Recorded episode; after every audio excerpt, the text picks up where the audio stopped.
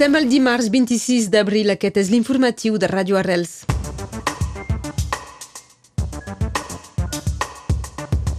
L'entitat ecològica Frena 66 denuncia una falsa consulta sobre la desviació aspirada de la GLI.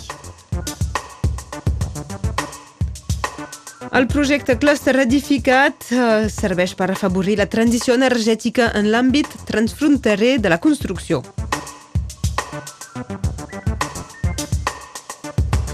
Font Romeu vol enfortir la seva oferta d'estació al llarg de tot l'any a través del nou contracte de concessió amb Alti Service.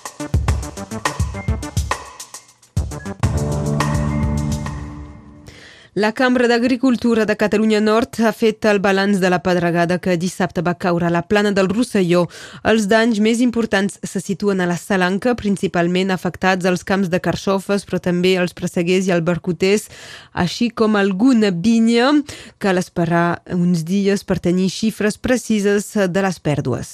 La societat de manteniment d'avions instal·lada a l'aeroport de Perpinyà anuncia la creació de 50 llocs de treball un augment de la plantilla del personal que s'explica per la col·laboració entre Sabena Tècnics i Transavia, la companyia aèria que assegura els vols entre Perpinyà i París. 180 persones treballen a Sabena Tècnics. Frena 66 denuncia un projecte de desviació aspirada a la GLI. La Federació pels Espais Naturals i l'Entorn crida a signar una petició contra un projecte que l'Ajuntament vol fer validar per una falsa consulta. Consideren que és falsa perquè només es demana als habitants de pronunciar-se sobre la data d'inici de les obres sense donar cap element sobre el projecte ni sense cap garantia sobre l'organització d'aquest escrutini. Els defensors del medi ambient critiquen una política d'urbanització massiva a aspirar de la GLI que al curs dels darrers 10 anys ha edificat tres vegades més del que li permet la reglamentació. Manifestació aquesta tarda a prop del llac de Vilanova de Raó contra el frenesi de construcció, en particular arran d'un projecte de golf a Vilanova mateix o encara al pont de Serret. Serà a partir de les 6 d'aquesta tarda quan es donen cites les entitats al voltant de la coordinadora Viure i la xarxa Resistències Locals per participar en aquest retorn a la terra. ERC reclama dimissions el més aviat possible per resoldre el conflicte obert pel cas d'espionatge massiu anomenat Catalan Gate. La portaveu d'aquest partit, Marta Vilalta, considera que és un escàndol majúscul d'espionatge i una vulneració flagrant de drets humans. Per la seva banda, Junts per Catalunya s'ha posicionat a favor de trencar les relacions polítiques amb el govern espanyol, tal com va demanar diumenge el, el Consell de Govern del Consell per la República. El secretari general del partit, Jordi Sánchez, reclama que es trenquin relacions fins que es creï una comissió d'investigació al Congrés dels Diputats contra aquest Catalan Gate. L'aglomeració Perpinyà Mediterrània Metropoli i l'Ajuntament de Girona participen al projecte Un clúster edificat que té per objectiu crear un espai de col·laboració en el sector de l'eficiència energètica en l'edificació per afavorir la transició energètica en l'àmbit transfronterer a fi de construir un sistema referent mediterrani català. En el marc d'aquest projecte s'organitzen activitats destinades a divulgar i sensibilitzar la ciutadania i el sector de la construcció al voltant de les solucions i els avantatges d'una edificació sostenible energèticament. Més detalls amb l'Albert Noguer.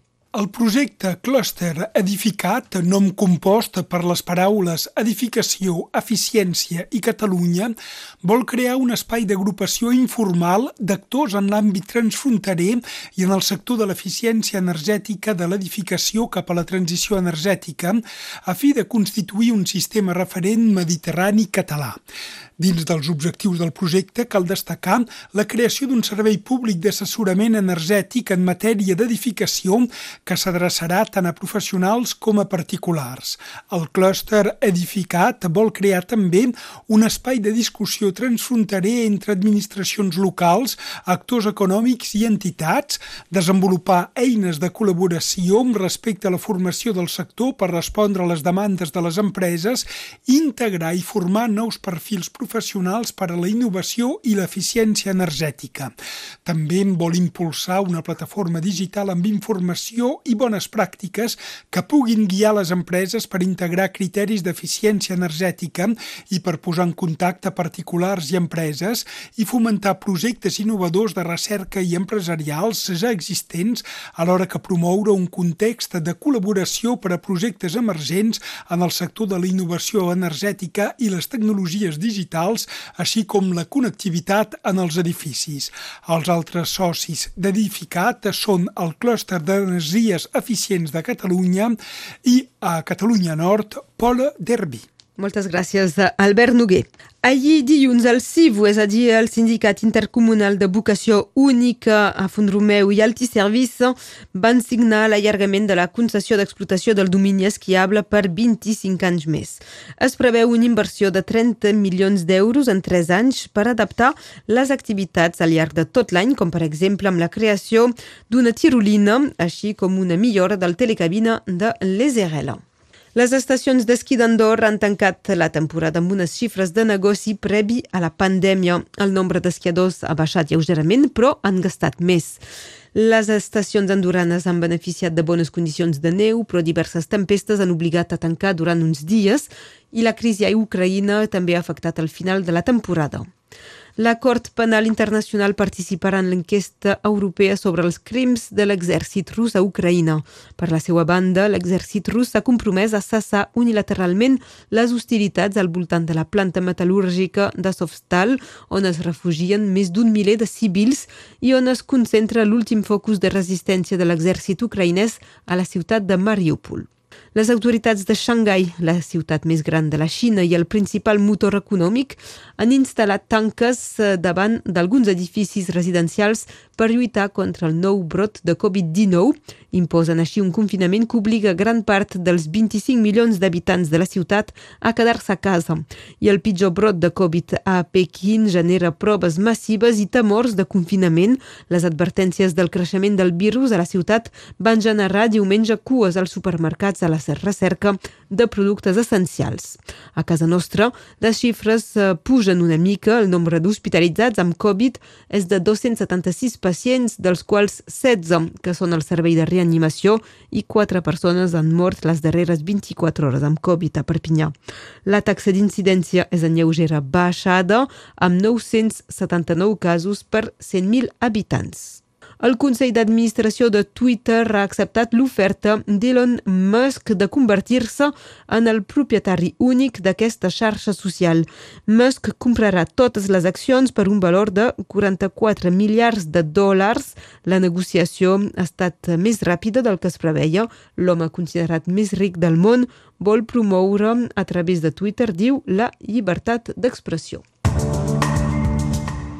Acabem amb esports i en tennis, Paula Badosa, la jugadora de Begú, a l'Empordà, és des d'ahir la número 2 de la classificació mundial. És el seu millor rànquing i sols és superada per la polonesa Iga Swiatek.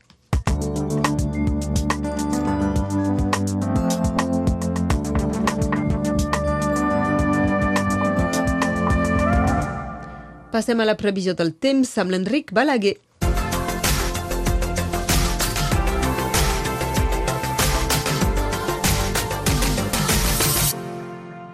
L'anticicló amb nucli a Sardenya manté la seva influència. El cel és molt lluminós al matí. Un front nebulós arriba de l'oest i és mantingut i fins i tot apretat contra els relleus a causa del vent de llevant que sense ser d'una gran força és persistent a partir de la tarda. Unes febles precipitacions es produeixen per sobre dels 400 metres al Conflent com al Vallespí, però serà més aviat cap al vespre i pararan bastant ràpidament. Per les temperatures màximes notarem un agradable dolçó a Cerdanya i Capcí, com també al Vallespí, on superarem els 20 graus, 14 a Formiguera, 15 a Eina, 13 a Porter, 19 a Conat, 20 a Estuer, a Terats i a Montescot, 22 a Morellàs, 19 a la Manera i també a Portvendres, 20 a Salses, 21 a Sant Pau de Fenollet, a Santa Eulàlia d'Esriu, a l'illa d'Ibissa, 20 graus. El 26 d'abril de 1937, durant la Guerra Civil Espanyola, la regió Condor bombardeja Guernica. El 26 d'abril de 1964 neix l'estat africà de Tanzània. El seu nom és format per Tanganyika i Zanzíbar.